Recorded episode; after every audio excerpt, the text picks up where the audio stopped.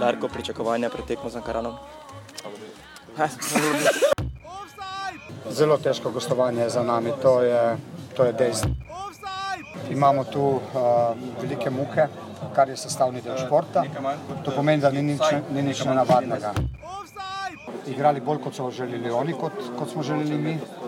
Potem smo malo to provali spremeniti v drugem polčasu, zadeli in, in potem okay, po izključitvi Arlanoviča se je vse skupaj malo zakuhalo, vendar mislim, da smo zasluženo zmagali, ne glede na to, da je imel nasprotnik v prvem polčasu eno zelo, zelo veliko priložnost.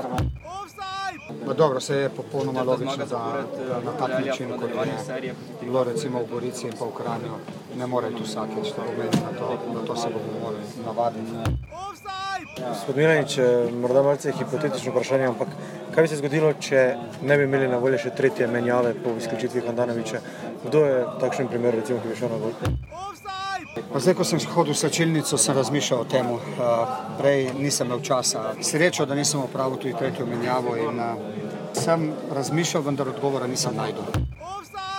Je to tudi nekaj, kar vam gre na roko, da ste igrali pred njimi, recimo? Težko odgovoriti na to vprašanje. Mi smo v letošnji sezoni največkrat igrali za njimi, zdaj smo, zdaj smo igrali prej, lani, če se spomnim, smo večinoma igrali mi prej, če se ne motim. In to je ena taka zgodba. Uh, enostavno moraš zmagovati in se ti nič drugega ne preostane.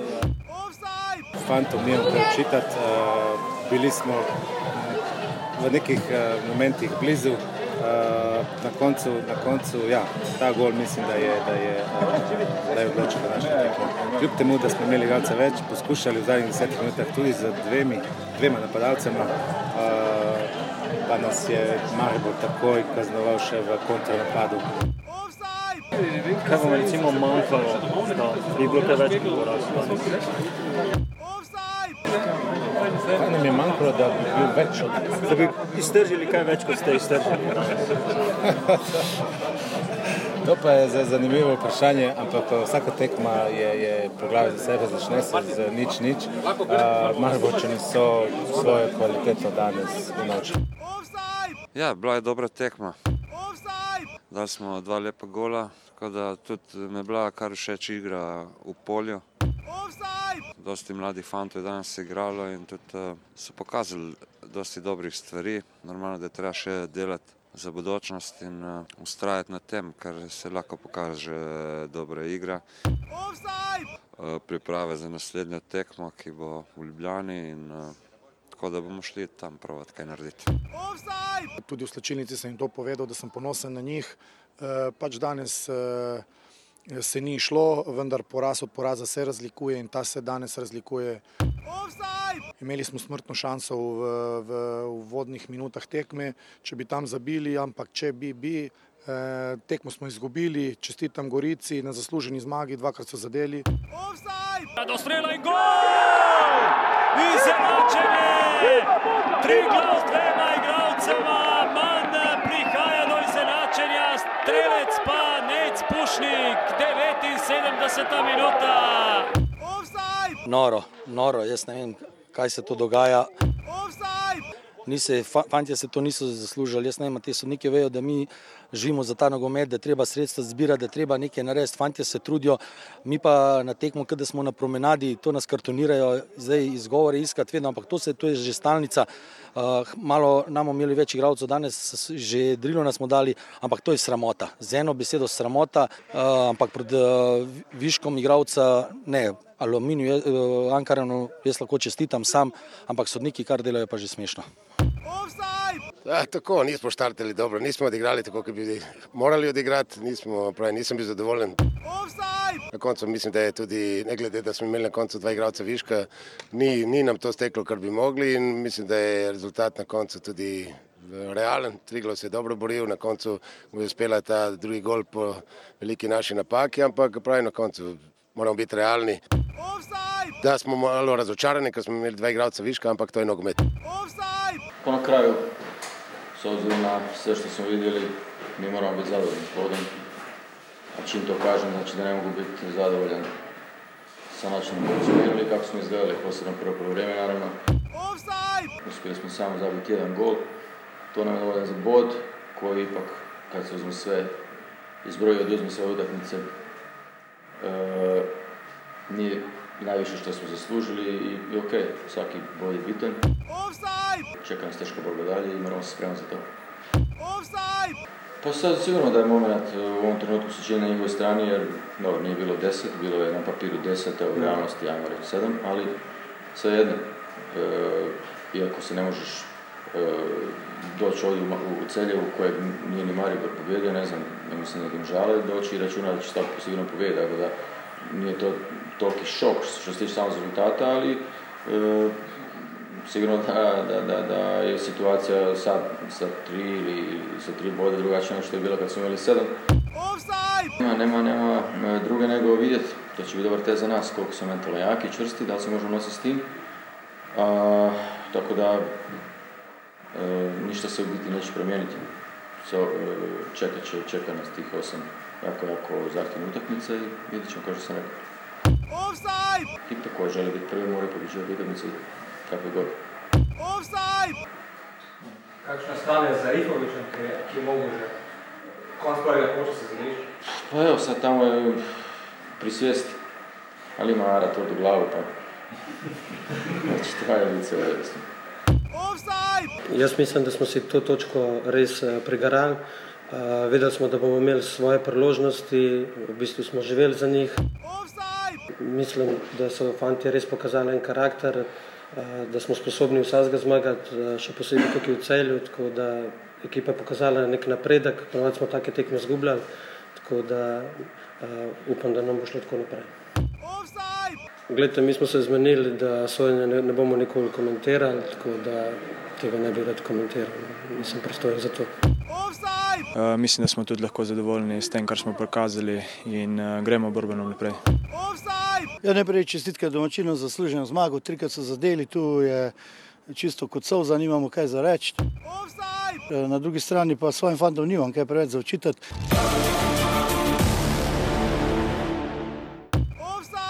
Drage ovsetke, dragi ovsetki, ljubitelice in ljubitelji futbola slovenskega, spoštovane, spoštovani, lepo pozdravljeni v 130. oddaji Offside, oddaji o futbalu slovenskem.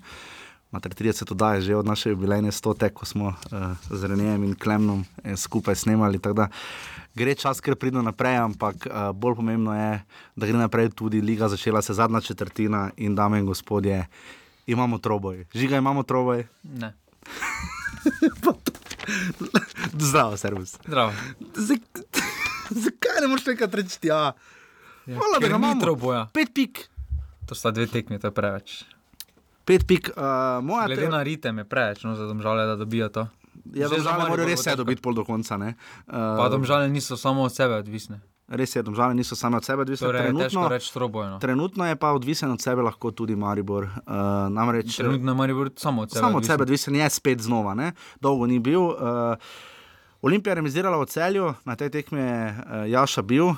Tudi Matej Juk je bil. Tudi Matej Juk je bil, v Kidričem je bil pa seveda tudi žiga. Uh, res smo se imeli fajn na obeh tekmah, dve gostovanji, to je včasih res največja dražna gometa. Um, tako da res fajn tisti, ki nas podpirate, bomo še probali kam iti, uh, ker boste danes lahko iz prve roke slišali kar nekaj zanimivih zgodb.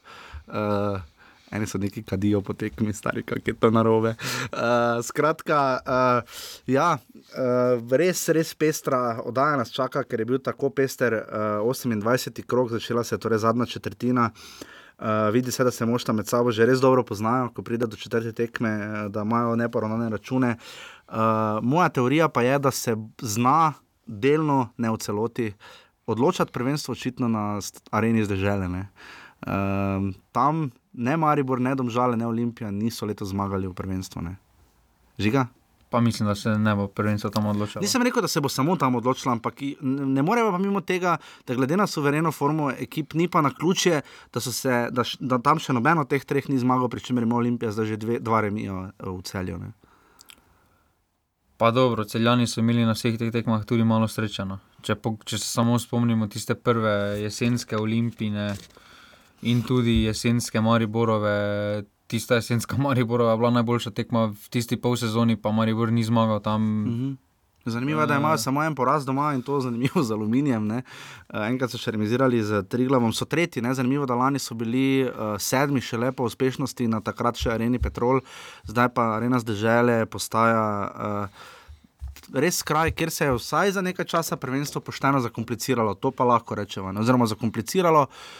Zdaj je žogica, kot je priznal, tudi kot ste lahko slišali v res dobrem intro, uh, tudi Igor Biščan priznal, da je žogica na strani, trenutno mu naredilo na strani Maribora. Psihološki moment, vsekakor na strani Maribora, ampak trenutno ima Olimpija še vedno vse v svojih nogah. No. E, bo pa ritem do veliko pokazal, ker sedaj si sledijo kar nekaj krogov, sreda, sobota. To so tri kroge še med tednom. Ne? Ja, in e, to zna odločiti dolžina klopi in zato tudi domžal. E, jaz ne smatram kot neke resne konkurence Maribora in Olimpiji. Res pa je, da, Mislim, da med, se bo tu no lomilo. Med sabo, zdaj, če pogledamo še za naslov, uh, predtem se da gremo v drobove tekem in do našega današnjega gosta. Uh, zdaj bo nekaj časa mir, kar se tiče medsebojnih tekem. Uh, Maribor in Olimpija igrata krok, tri kroge pred koncem. Uh, edino Maribor pa domžale je tekma, potem čez mislim, tri, tri kroge od zdaj naprej, ne? pa zadnji krog je potem še Olimpija domžale. Tako da medsebojne tekme bodo pa zagotovo zelo, zelo štele. Ne? Ja, Verjetno najbolj. Da, no. derbi bo veliko števno, če, bo, da, če, bo, če boste obe ekipi prišli brez praske do tega derbija, bo derbi povedal veliko. Tudi na koncu se zna zgoditi, da bo v primeru enakih številk točk eh, ta derbi odločil zmagovalca ja. lige, no, kar bi bilo. Skoraj neverjetno, no, da bi bi taki scenarij. Po se 36 zgodil. krogih na koncu odločajo, lahko celo goli v gosteh in podobne stvari. Ne. Bomo videli, imamo pa tudi zelo, zelo pestro bitko za obstanek, vsaj na papirju.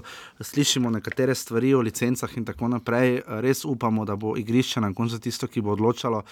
Videli smo verjetno najbolj razborljivo tekmo, čeprav so bile praktično uh, vse tri zelo razborljive, do zdaj omenjeni Mari, Alumini, Maribor in pa Celje Olimpija, ampak tudi Triglav Ankaran žiga uh, tekma, kjer Ta bi Ankaran skoraj že. Najbolj. Uh, Ja, tokrat niso domžale na tnalu, tokrat uh, se bo spopadla tudi mi dva, ampak uh, spopadel se je zato tekmo tudi naš današnji gost, Luka Cotič, komentator Šport TV, ki komentira, kot dobro veste, vse te tekme, uh, ki večinoma niso Maribor in Olimpija, čeprav je kakšno že tudi komentiral, uh, ko jim je ostal ta prenos v preteklosti. Uh, tako da res hvala njemu, boste lahko slišali več o highlightsih, uh, kako jih vidi, uh, o razvoju našega nogometa, kako je televizičen slovenski futbal. Videli smo recimo v Kidriču je bila kamera proti soncu, uh, ta teden nas je sonce kar pošteno dobilo, ampak hvala Bogu, res radi hodimo na tekme, hodimo tudi zato, ker nas vi podpirate za vse predloge, kritike, želje do konca sezone, osatafnorbani.si za vse sodniške odločitve bo danes vam odgovarjal ziga.kos, afnagmail.com. Komod. Njega najdete, sicer pa res hvala vsem, ki nas podpirate ta vikend znova. Uh, Uh, vidim, da še nekateri ustrajate, tako da res hvala vsakemu, sploh za zadnji del sezone. Če bi radi več zgodb iz prve roke dobili, kot jih boste danes slišali, pojdite na urbani.si, pošiljnica ostati in lahko tam podprete. Hvala pa seveda tudi GT22, da nas tako prijetno gosti tukaj v našem. Um, Mariborskem studiu, to zdaj zveni, kot da imamo še kaj, kaj več, kdo ve, morda pa malo. Uh, žiga, ja nič, uh, gremo potem kar na vrat na nos v 28 rok. Ne? Ja, druga pre, ne preostane. To je to.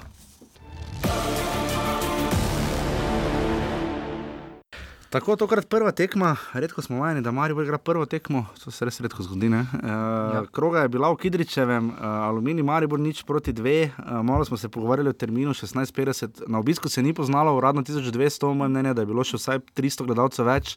Pa e, možno, da je bila šuma malo bolj polna. No. Res dober obisk, po eni strani je ta termin očitno ugajal Kidričanom in pa seveda ogromno Mariborčanom. Mislim, da je bolj Mariborčanom odgovarjal, no, ker več ali manj je bilo nas obeh. Na no, edini oni tisti tribuni, je bilo samo Mariborčane, zavide tako zdalečno. Uh, tako da, ja, uh, 1200 gledalcev uradno, Andrej Žnidaršič je delil pravico ali pa je vse skušal deliti. Videli smo tekmo, dobro kat... je delil pravico. Ja, videli, dobro, vse dobro se da. Videli smo tekmo, v kateri uh, je Maribor uh, trabil eno uro, da je končno naposled zabil. Uh, veliko se toliko ni dogajalo, malo težav v obrambi.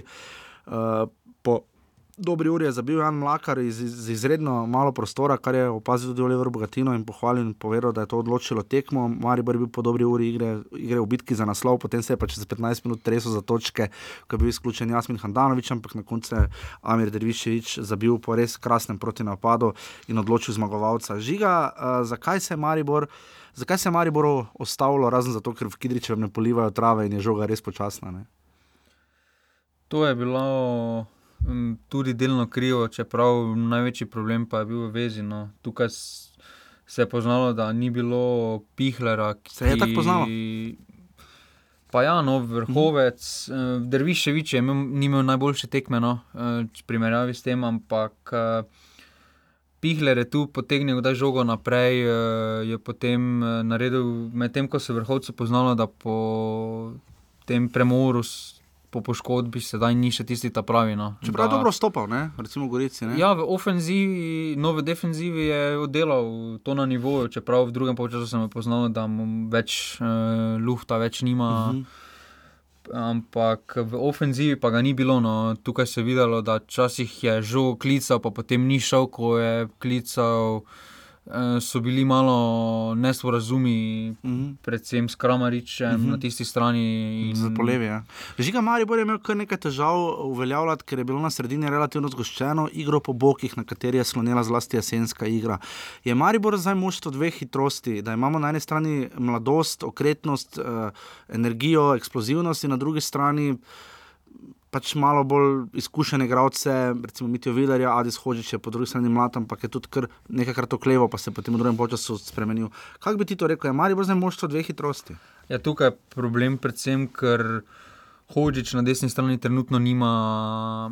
Dobene pomoči, no, ker hotič, glede, kljub temu, da je igral na papirju, na boku, se rad zateče v sredino, in potem hotič še nima te kvalitete kot milec, ki res pač tu je kvaliteta očitna. Da Milec pač same to žogo pa potegne po boku, pa gre, ne. vseeno se vidi, da je Milec klasa na cemi v tej ligi za bočne branilce. In tako Maribor sedaj sloni samo na levem boku, ker pa če Viler nima dneva, znajo biti velike težave. No. Mhm, ampak asistence pa vendarle vidimo, da prihajajo od tistih, ki so načeloma v sredini. Zbrala sta Martin Kramerič, ko je podal Janu Mlakarju z leve, in pa potem tam je Marko Stavares, seveda si jajno potegnil po levi, podal sredino Hotiču, ta pa Drviševiču. Uh, torej, ta napadalna igra Maribora se je uveljavila. Ni pa bil brez madeža, kot je tudi Darko Milanič povedal po tekmi uh, uh, ta obračun. Namreč uh, Marko Šuler je praktično podaril uh, en čisti zicer. Uh, aluminijo, tam je rok Kidrič rešil sjajno, me je še David Lukan z dve priložnosti uh, in pa seveda izključitev Jasmina Handanoviča, ki je bila tudi posledica neodločnosti uh, zadnje Mariborske vrste, tudi Jujkovič je tam pri Kidriču odletel, uh, ampak je Maribor tu vseeno zmagal, kako vidiš ta, ta del? Pa dobro, tukaj tisti Handanovič, Handanovič, Handanovičev pa izključitev gre predvsem na račun Šulera, no, ker uh mhm. Takšne žoge branilec samo vzame. Sploh ko vidi, da je na takšni travi, smo videli pri tisti priložnosti mlakarja, kako se žoga nepričakovano odbije, nikoli ne veš, kam se bo odbila. In pri ena proti nič, uh, raje tisto branilec gre vzeti in dobesedno nabije v šumo. No. Uh, potem Hranoviču ni preostalo druga, res da se je kontakt izmikal, ampak kontakt je bil no, in uh, tu je upravičena izključitev bila. No. Tu prav, pa je, je pa ga šuler potunkal v to. No. Ja. Šulera pa poznamo, pač uh, ima na takšnih tekmah kiks ali dva, uh, kar je. Pač glede na njegovo kvaliteto, treba pač požreti. No. Uh mhm. -huh. Veliko dobrega prinese in pač tudi odnese. To so tiste tekme, ki jih je pač preprosto, če želiš biti prvak, pa pač preprosto ja, treba zmagati na kakršen koli način. Tega ne? smo mladenska dela Maribor izgubljal, sedaj ja. pa jih pripelje na, pa nekako do konca. No, tukaj se vidi, da samo zavest uh, je na drugačnem nivoju, kot je bila na, na začetku, smo mladi, predvsem v napadalnem delu. Uh mhm. -huh. Ker z dvojcem Zahovič, Mlakar, čeprav sta bila celo tekmo skoraj da odrezana od igre, tam Mlakar je imel res sjajno priložnost v 20 minuti, ko bi moral zabiti. No. Uh, uh, je Maribor to drugačen, to, to je drugačen Maribor, to je, mhm. pomlad, to je mlad Maribor, uh, čeprav ta tekma ni zdaj uh, bila najboljša reklama za te mladeniče, ampak vseeno so. Na koncu je treba povedati, da so te tekme, ker mora nekdo prevzeti odgovornost in ponavadi v preteklosti je to odgovornost prevzemal Marko Stavares. No, Ki pa se dobro znajde kot rezervist. Ja, Zelo. tukaj pa so morali vzeti mlajši to odgovornost in eh, na koncu, kljub slabšemu začetku Kramariča, mm slabemu vodu v tekmo, je Kramarič to odgovornost prevzel na sebe. In je naredil tisto končno razliko z prodorom, spodajo na drugo mm -hmm. vratnico, ker pa je Mlakar ni imel težkega dela. No. Ja, to je res. Je pa res, da je imela zmaga tudi svoj vrsten davek. Handanoviča zdaj ne bo vsaj na tekmi s Triglavom. Pa Vilera. Uh, Viler ima tudi kartone, Pa to bo menjava in verjetno Mlakarja. Ne? To se zdaj trenutno Mlakar, Handanovič. aluminij res ne, loži, ne leži. Ne, res se je že drugič poškodoval, tudi Kramarič je dobil po nogah, ko je že lani bil v Kidričevem uh, praktično poškodovan in tu vidimo, da se Marijo vrhne muči. Že kaj pa aluminij? Uh, če kaj so uspeli po Triglavu Gorici, uh, če so kaj uspeli, so uspeli zaustaviti te silne nalete. Ne? Zdaj delno tudi zaradi igrišča samega, ker tam gre žoga res počasi, ne? ko se ne polije igrišča, kar je tudi Darko tu je malo povedal, ne bo trava, Malo ja, no. višja trava in gre žoga res. Možeš kar orning udariti, recimo že podaje med štoperi, se to lepo vidijo, da je treba kar pošteno po žogi udariti, da sploh gre malo hitreje. Ampak uh, to je Oliver Bogatinov znal, ampak na vprašanje, kaj bi pa lahko, kaj, kje je zmanjkalo, se je pa v bistvu, kot ste lahko slišali, bolj ali manj zasmejal. E, Zmanjkalo je na koncu v tisti kvaliteti, malo kondiciji, malo vsemu. Če bi Mhm. -hmm. al, aluminij lahko razdelimo na aluminij iz prvega polčasa, pa aluminij iz drugega polčasa. No, v prvem polčasu se je videlo, da so vsi pri stvari, da so še imeli kondicijo. Mhm. eh, Da so še lahko sledili Mariboru, eh, a uspešnost, več kot uspešno so sledili Mariboru. eh, Potem pa se je videlo, da so praktično v drugem času prepustili inicijativo igre Mariboru. No. Eh, Bogatinovu ne gre, pri, gremo mogoče pri igri, pa pri nekaterih domislicah, zdaj če pustimo vrstitev v finale pokala ob strani. Pa še tam so imeli več sreče ja, pameti, Ne no. gremo pa pri točkah tako dobro kot recimo predhodniku Slobodano Gruborju. Ne? Ja, uh, tu je vseeno nekaj tekem je že zbral na klopi v prvi ligi Bogatinov, pa ima samo eno zmago, pa, pa na desetih tekmah ima eno zmago in tri remije. No. Uh, je. Ja, za obstanek je to sicer dovolj, ampak ne tako, Ja, če, če bi nočeš na gledali, tesno. Ne? če bi gledali samo to polovico, recimo, Mhm. mm -hmm. slovenski del, bi aluminij bil za Ankaranom. No. Ja, to pa bi bil to pač, Ankara pa absolutno Če prehiteval. pogledamo, aluminij praktično ni spremenjal, v bistvu so se okrepili napram jesenskemu delu.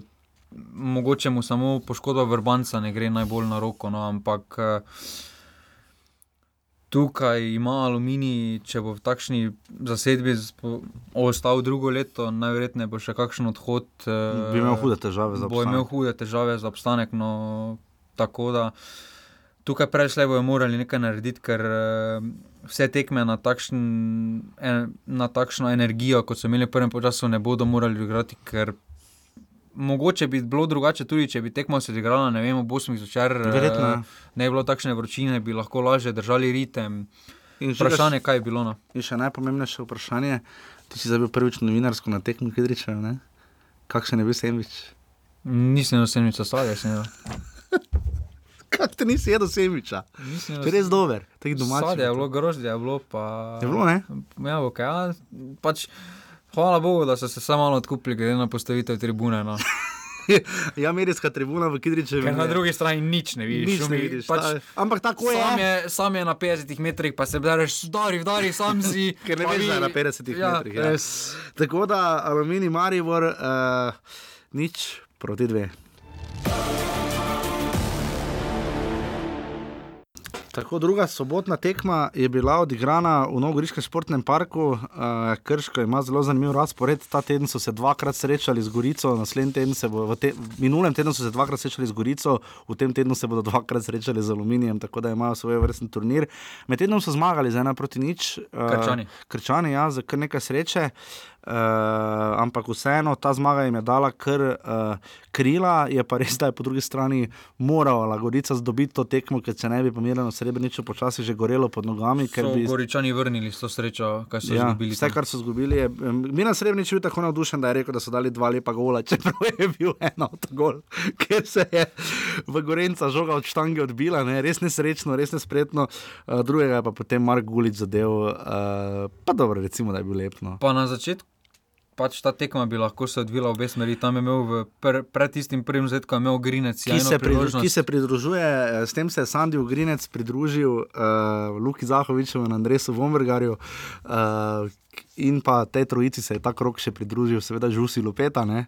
v rubriki Zicer smo, seveda, uh, Sandy Grinec je imel tam morda malo nenadejano priložnost, ampak na kakšnih sedmih metrih, popolnoma na sredini je žal res slabo zadevno. Res, ampak zicer ni bil. Ampak Kak ne bil zicer, no, če je bil sam predsednik. Če, če primerjamo to z Luko Zahovičem, no, dobro, ok, ampak Lupeto in podobno. Ampak vseeno, gled, jaz sem rekel, da je bil zicer. Ti ne veš. Priložnost, res lepa je. Res lepa priložnost. In je pač pomeril mimo, uh, na koncu so še potem zadeli, uh, oziroma ne, krško je potem probalo, kaj ustvariti, ampak. Uh, Uh, Šulac ni bil pretirano uh, razočaran. Uh, Krčani so v tem tednu dosegli to, kar so hoteli. No, to, na dveh tekmah so, dobi, so dobili. Idealno bi bilo štiri točke, dobili so tri točke, kar je več, več kot dovoljno, tudi za glede na lestvico, se ta lahko ja, malo bolj umirjeni. No, in, uh, Krčani imajo za 29 točk. In mislim, da so si s tem tednom skoraj da že zagotovili neki obstanek. No. Najlažje o tem, kje krško je in kaj bo z njim, bo lahko rekla naslednji ponedeljek. Ne? Uh, ko bomo videli, kje žiga bo.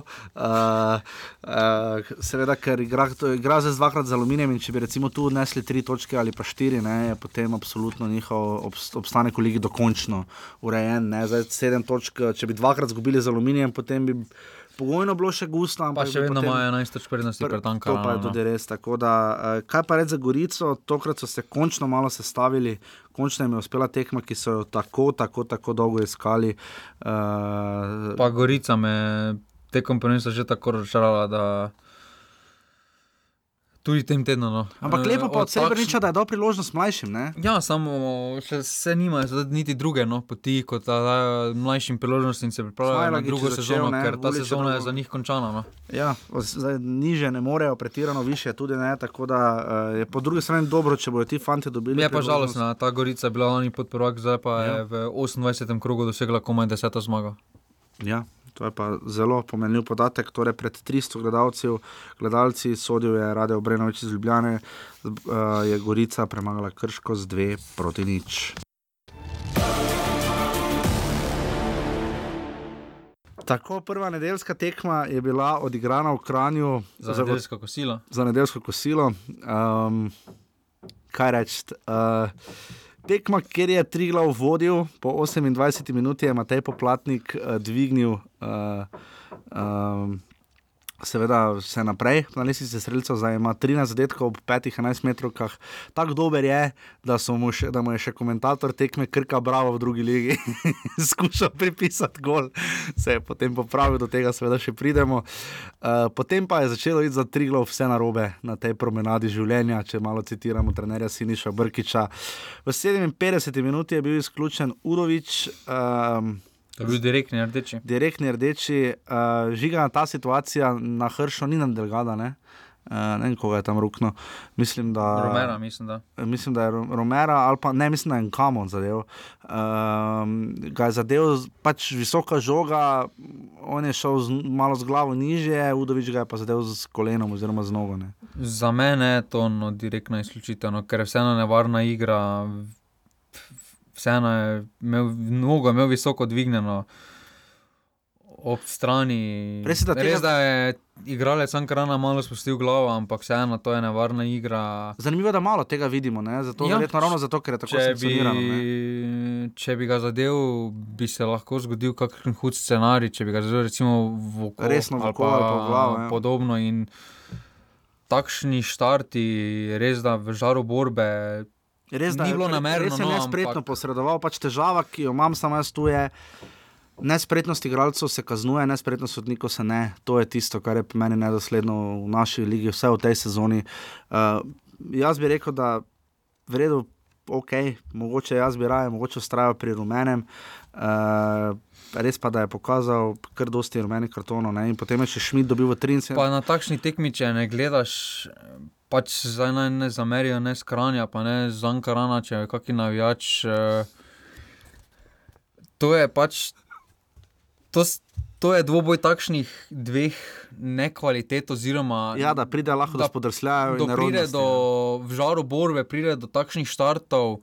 Kjer niso s- suvereni? Ker so, hit, ker so sodniki pač hitri na rumenih kartonih, ker preprosto sodnik vseeno je tam, da če pusti en takšen štart, Se lahko eh, se lahko tekma gre povsem drugo pot in dvojimo tudi pri, recimo, zdaj samo navežemo iz prve te.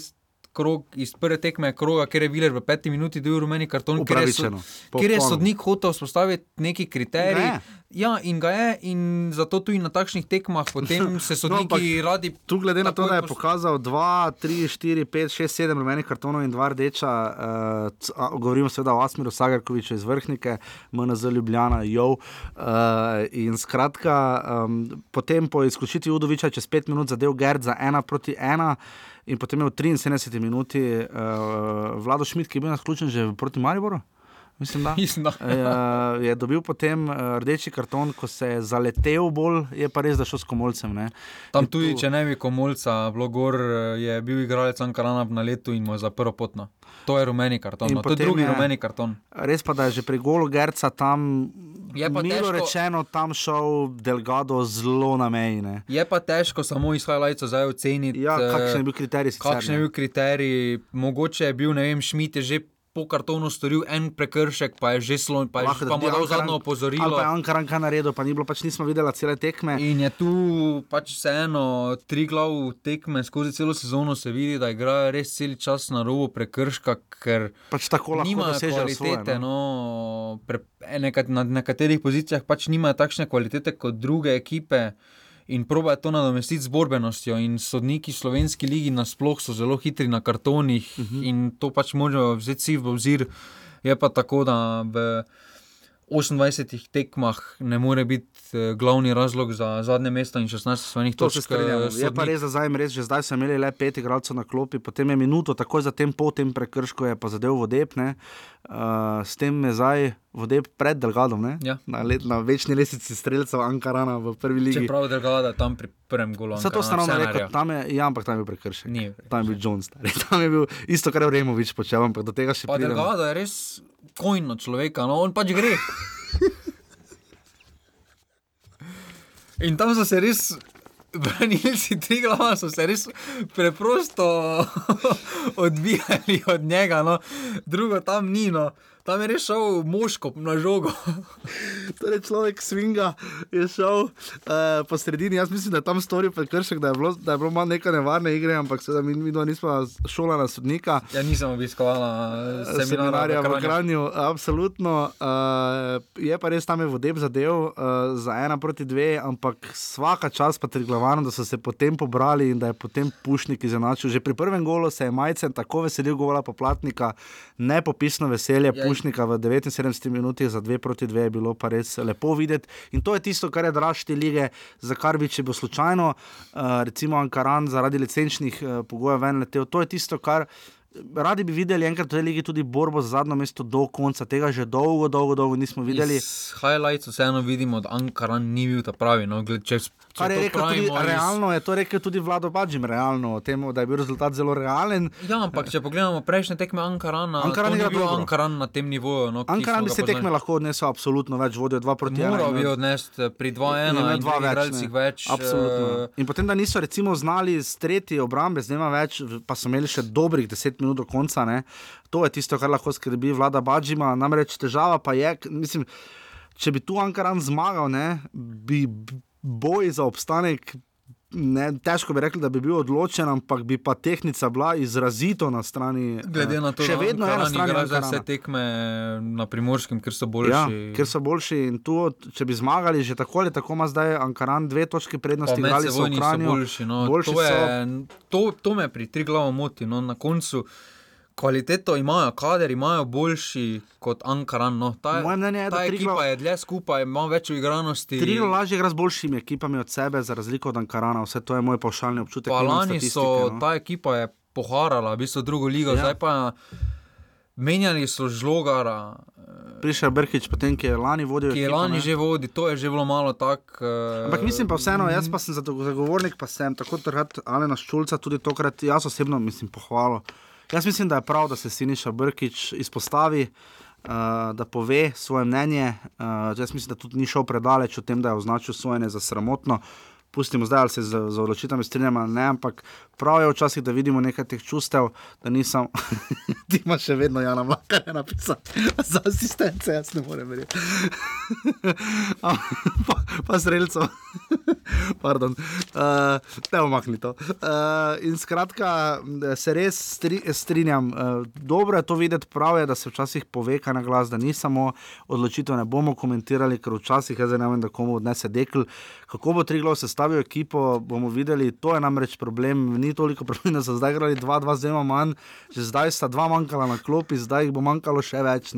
Siniša Brkič bo res, na koncu bo s kombijem šli na tekmo Marivorno. ne rabi avtobusa. No. Pa se niči, pa ping, zoki. Ja, pač, to, pa izlet. Pač to je to. In, uh... Ja, ne, to je pač. Problem teh malih ekip, no tu je Ankaran je se soočil ja. s temi, da je imel, te, da je imel tekme v nizu z, z izključitvami. Pač pride takšno obdobje, ko probiš iti preko sebe, pa potem v žaru borbe dobiš kazen. No, ja, če pogledamo strinjam. na koncu, to se tri glave, se ta, ta nisi izključitev začeti na tekem proti Mariboru, ja. ker so vse, vse izključitve bile čiste. No. Ja, večinoma so bile tam proti Mariboru. Zdaj je mogoče samo ta Udovičev karton. Malo, mogoče meni, malo prešljiv, ampak ostalo pa je žar borbe in včasih odnese, morajo se vsi zavedati, da igrajo za obstanek in igralci dajo vse od sebe, vsi igralci v prvi ligi dajo vse od sebe in potem tudi kdaj naredijo kakšen štart, mm. da, da pridejo tiste žoge, ki je.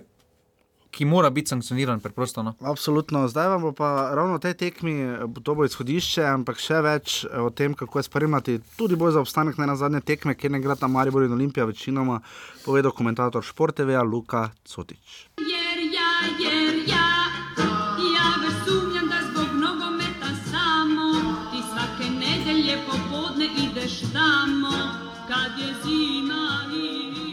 Tako v čas veselja in ponos nam je, da gostimo Luko Cotiča iz Sport TV-a, njegov glas uh, slišite na tistih tekmah, uh, ki vse nas v offsetu zanimajo, vsaj tako, če ne včasih še bolj kot tiste, na katere, katere ponavadi sicer prenaša kanala, torej večino Maribor in Olimpijo. Luka Cotič ima pa to prednost da komentira res tiste tekme, ki uh, jih je treba doživeti, in vse po našem mnenju jih on res izživi tudi v komentarju. Uh, sicer je pa uh, komentator zdaj, kot je povedal pred začetkom pogovora, že štiri leta, morda bo tudi sam kaj o tem povedal.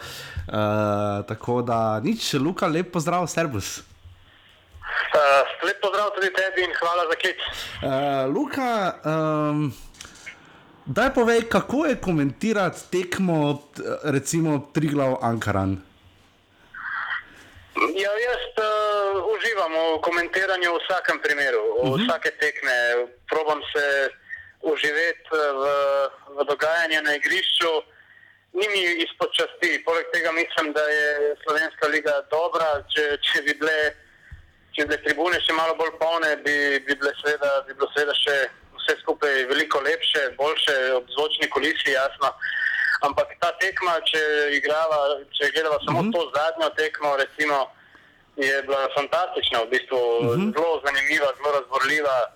Eh, preobrat eh, rdeča kartona, mogoče tudi neupravičena. Tako da Vse, kar nogomet eh, dela lepega, je bilo na tej tekmi. Ja, ker to je tisto, eh, v bistvu tiste največje lige imajo ponavadi proti koncu sezone, v bistvu so skoraj da večje ali pa vse bolj burne zgodbe v boju za obstanek. In eh, ti se večinoma obadaš ravno z temi klubi, ne, ki potem igrajo med sabo. Povej, kak, kako se pripravljaš na tekmo, recimo, kakšna je specifika, recimo, če primerjamo na eni strani našo ligo, torej prvo ligo Telekom Slovenije, ali pa recimo, če komentiraš serije A. Ne. Je v čem sploh razumeti? Razlika v količini podatkov, načinu priprave, glede na to, da smo tu vseeno doma, da je Italija tujina. Kaj bi tu rekel? Uh, ja, zdaj to je tako. Uh, v Italiji imaš na voljo res uh, veliko podatkov. Uh, mislim, da tudi precej več. Je pa res, da je uh, naša liga tudi glede tega precej napredovala. Ta uradna spletna stran dobro pokriva, tudi slovenski mediji dobro pokrivajo, dobiš odzive iz vseh klubov. Uh, če ne drugega, se lahko tudi s klubom povežeš in tam vprašaš uh, kot komentator, uh, če te kaj zanima. Uh, priprava na tekmo moja je pa ista za, za, za vsako tekmo. V bistvu statistika, statistični podatki, zgodbice o posameznih igralcih, zgodovina medsebojnih dvobojev. To je vse zelo dobro pokrito tudi v Sloveniji. Je pa res, da v Italiji recimo, uh, je uh, seveda stvar precej širša. Ne? Greš lahko precej bolj nazaj. Uh -huh. uh, vidiš, res, v drobove prideš teh tekem. No, v Sloveniji mogoče to še ni tako podrobno, uh -huh. ampak je v redu. Se mi zdi zelo dobro pokrito. No. Kje ključno črpaš podatke recimo, za klube, tika, ki so recimo, pri nas niže na lesici, recimo Ankaran, Alumini, Triglo. Torej, Triglo ima kar dobro družbeno mreže pokrito. Kje črpaš informacije o Krškem, o Rudarju, o Celju? Ne? Kaj bi rekel? Uh, ja, spletne strani, uh, Rudar. Uh, celje, eh, tudi krško so dobre, je pa res, da aluminij in eh, ankaran sta pa precej skromna glede tega. Uh -huh. Težko je priti do določenih podatkov in tukaj mogoče tudi se je treba povezati s kakšnimi ljudmi v klubu, da ti kaj povedo, povedo ali pa pač iz drugih medijev izveš. Uh -huh. Se pravi, če, če lahko omenim, ekipa dobro to pokriva, dnevnik, recimo časopisne hiše, ne vse ostale. Uh -huh uh, kakšne podatke dobiš tam. Drugače pa ja, samo ta statistika, ki je na uradni strani prve lige, je v bistvu merodajna. Uh -huh, ja, seveda. Seveda. Uh, kaj bi rekel uh, na, na splošno v slovenski ligi način televizijske prezentacije? Ne? Zdaj vemo, da bo potekla pogodba Pro Plusu in v teh treh letih je izrazito poskočila gledanost na tekmo, ne torej na poprečno tekmo, ne samo seveda derbijo, ki pa seveda absolutno potegnejo za sabo največje število gledalcev. Ampak kako ti vidiš ta razvoj recimo v zadnjih treh letih ali pa recimo tudi zgodbo Šport TV, ki se je tu priključil? Ne? Uh, ja, meni se zdi to super. Mislim, da je letošnja sezona celo prva, da, da je vseh pet tekem na televiziji v krogu. Uh mhm. -huh. Če se ne motim, zdaj ni, nisem čisto prepričan, ampak meni se zdi super, da se to pokriva. Čeprav sem prej rekel, da bi bile tribune lahko malo bolj polne, ne, mogoče tudi zaradi televizije niso.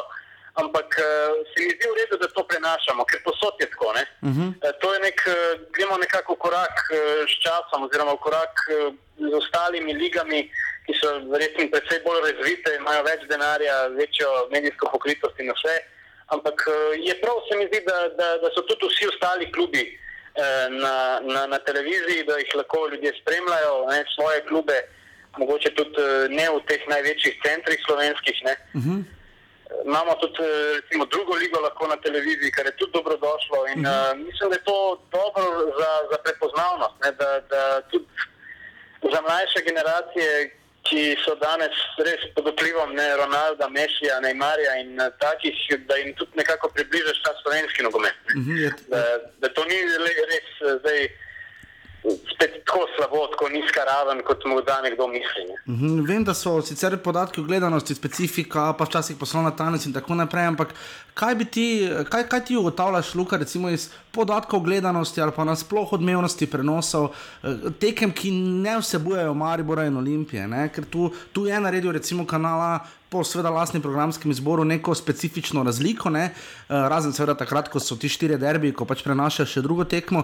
Kaj ti ugotavljaš, kaj pove televizijska telemetrija, kaj tudi televizija sama ugotavlja eh, iz recimo to, kar veš ti, o recimo popularnosti, zanimivosti, terminih slovenske lige? Ne? Ja, zdaj, uh, ja, mislim, da so bolj gledane tiste tekme, ki so kasneje, uh -huh. uh, v kasnejših terminih. Uh -huh. uh, dejstvo je, da zdaj, ko imam jaz informacije, da je naša liga, vsaj po naših kriterijih, no, na Šport TV, da je kar dobro gledana. No, da je uh -huh. Da je kar veliko gledalcev tudi na teh tekmah, ko nista Maribor in Olimpija. Imeli smo enkrat ali dvakrat tudi Olimpijo in Maribor in takrat se je res precej poskočilo, to je pa dejstvo. Uh -huh. Ampak pa je, da gledanost ni tako slaba tudi na teh, na, tudi na teh tekmah, recimo Aluminij, Ankaran, Triglav. Uh -huh. uh, kar kaže na to, da, da je tudi to zanimivo. No?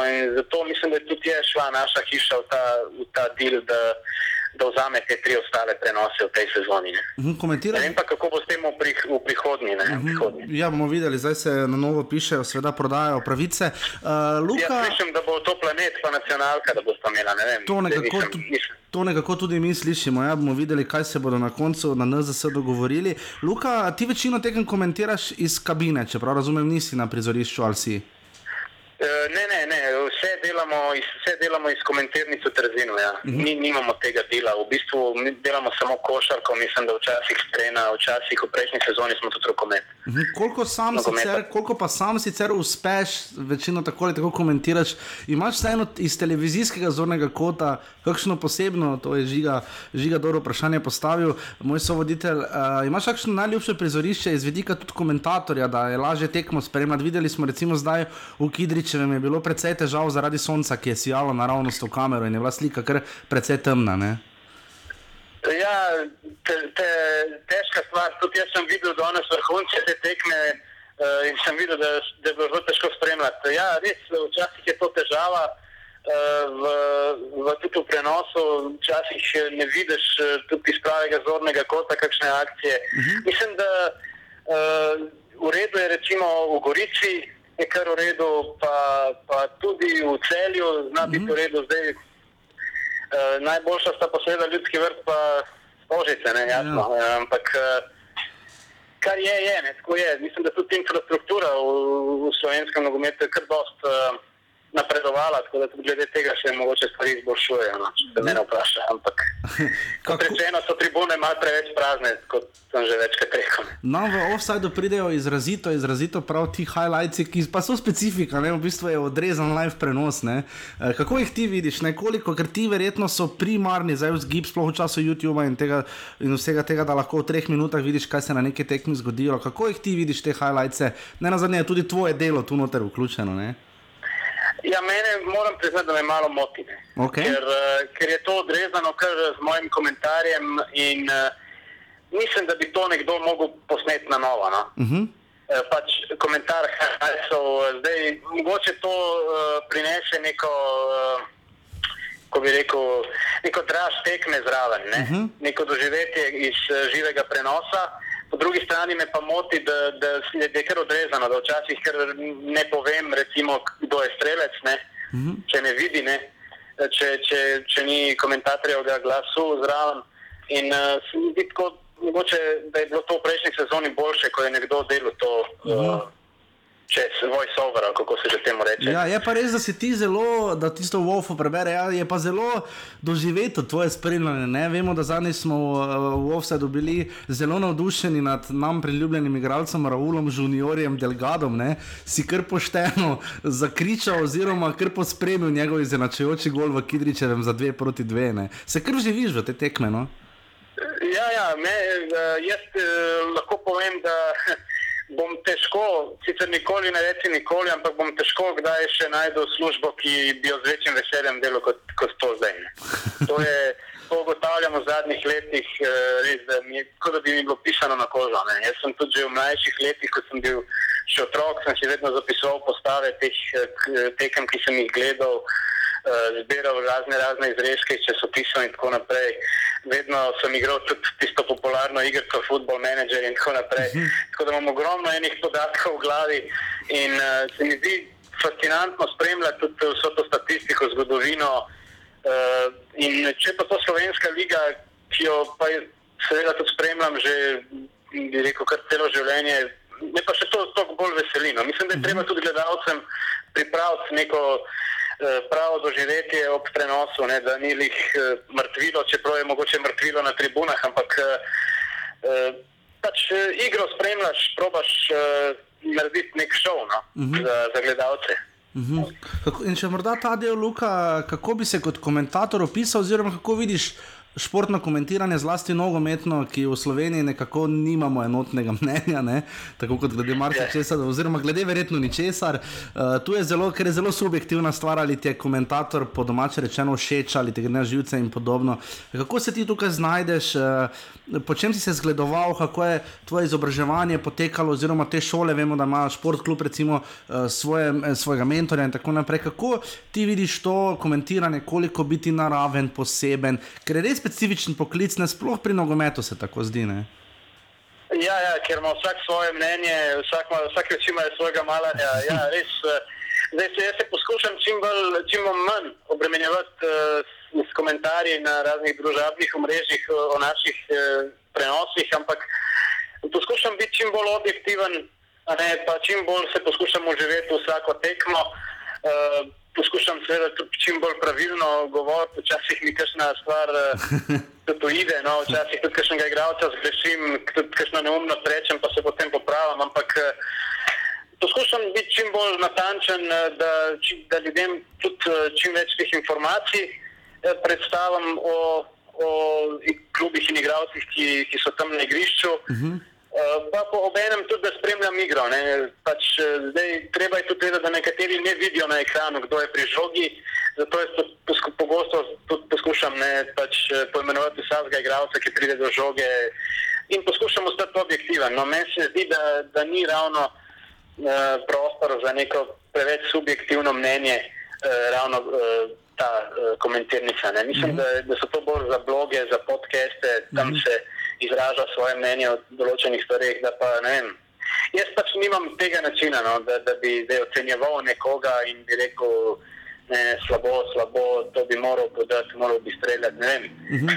To se mi ne zdi primerno, pač, ker nisem tam v dani situaciji, so pač uh, igralci tisti, ki so uh, najbolj vedo, kaj kaj jim je narediti na igrišču. Ne. Jaz sem samo komentator in probujem to čim bolj uh, predstaviti, približati gledalcem. Kaj pa sodniki, ne? kako imaš, imaš tu pri sebi, kakšno interno notranje pravilo, sam pri sebi, češ počakajmo, da vidimo posnetek, eh, potem, ko vidimo posnetek, mora biti res nedvoumno. Kako vidiš ti ta del, ker letošnja sezona je, kar se tiče sodnik, sodnikov, res specifična, no? ker vidimo res ogromno.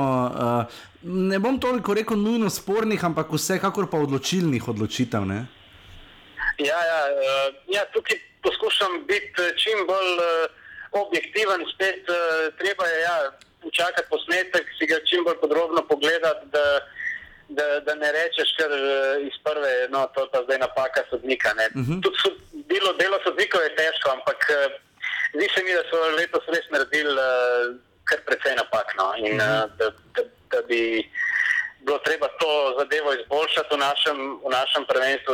Včeraj, le, ko smo ravno pred tem, ne, uh -huh. Triga Vankaran, spet uh, živčna vojna. Uh -huh. uh, Krančani so spet ostali brez dveh igralcev, ja. to je lahko ključno ne, uh -huh. na naslednjih tekmah. Uh -huh. Ja, tudi sodniške odločitve, čim bolj objektivno. No, vem, zdaj, včasih začel sem tako, da, da sploh nisem hotel komentirati. Ne, sem pač rekel, sodnik se je tako odločil in to je to. Ne. Zdaj, včasih v zadnjem obdobju se pa mogoče malo vključim, pa včasih povem svoje mnenje. Ali je to mogoče bil prekršek, je bil rdeč karton, je bila 11 metrov. Ne vem, kako zdaj. No. Poskušam biti čim bolj uh, fair, objektiven. Ne. Kaj si se morda še? Da, da, da ni preveč osebnega mnenja. No. In morda še za konec, za sodnike, nekako velja, ne, da če se ne govori o njih, so opravili dobro delo. Ne. Kako je tu s, komen yeah. kako je tu s komentatorji? Ma, ne vem, mogoče, mogoče res. Mogoče res tako. No? Mogoče res tako. Vem, jaz sem eh, prejel že tudi eh, pohvale, dosti pohval, prejel sem tudi že dosti kritik. Eh, kaj pa vem, ne vem, kaj bi na to v bistvu sploh odgovoril. Mislim, da pač vsak ima svoj okus in uh, nekomu pašeš, nekomu pa pač ne. Absolutno. In kar se nas tiče, je komentiranje uh, tvoje in nasploh uh, doživetost nam je vsaj, ali pa vse meni osebno izrazito všečno. Tako da jaz res upam, da bo še kakšna možnost te slišati, kar se tiče zlasti tekem Prve lige Telekom Slovenije. Ne? Ja, bomo videli, kako bo v drugi sezoni, ampak do konca sezone pa zagotovo še veliko tekem. Absolutno in bomo videli, kaj bo v borbi za obstanek. Vsi pa seveda najbolj upamo, da ne bo na koncu licenčna komisija tista, ki bo odločila, uh, kdo bo izpadel in kdo ne bo najboljše, če se to zgodi na igrišču. Uh, ja, zdaj. Deseti mora izpasti, kot ja. jaz sem po, po, po, po pravilih UEFA. In tukaj bo zelo zanimivo videti, ne, če Triglav ne bo preskočil Ankarana, kaj se bo potem zgodilo, če Ankaran ne dobi licence. Ne. Ja. Če mora naj bi bil blizu. Ne. Ja, bomo videli. Uh, Tako da to bo, to bo res zanimiv boj. Ja. Absolutno in to bomo spremljali, seveda, tudi na Športeveju. Luka, Cotič, Luka, najlepša hvala, da si bil eh, naš gost eh, in seveda te bomo poslušali tudi še vsaj do konca te sezone. Ne? No, hvala vam, hvala vam za klic. Hvala, Luka, lep dan, adijo. Adijo, čau. Jer ja, jer ja, ja već sumnjam da zbog nogometa samo ti svake nedelje popodne ideš tamo kad je zima i... Tako, hvala Luki Cotiču, pa tudi na zadnje roko Grilco iz eh, Športeveja, z obema smo komunicirali, res upamo. Bomo videli, kako se bo razpletla ja, licenčna zgodba, eh, kar se tiče eh, medijskih pravic. Pa, Uh, možno, da bo letos tudi šel na Lozano.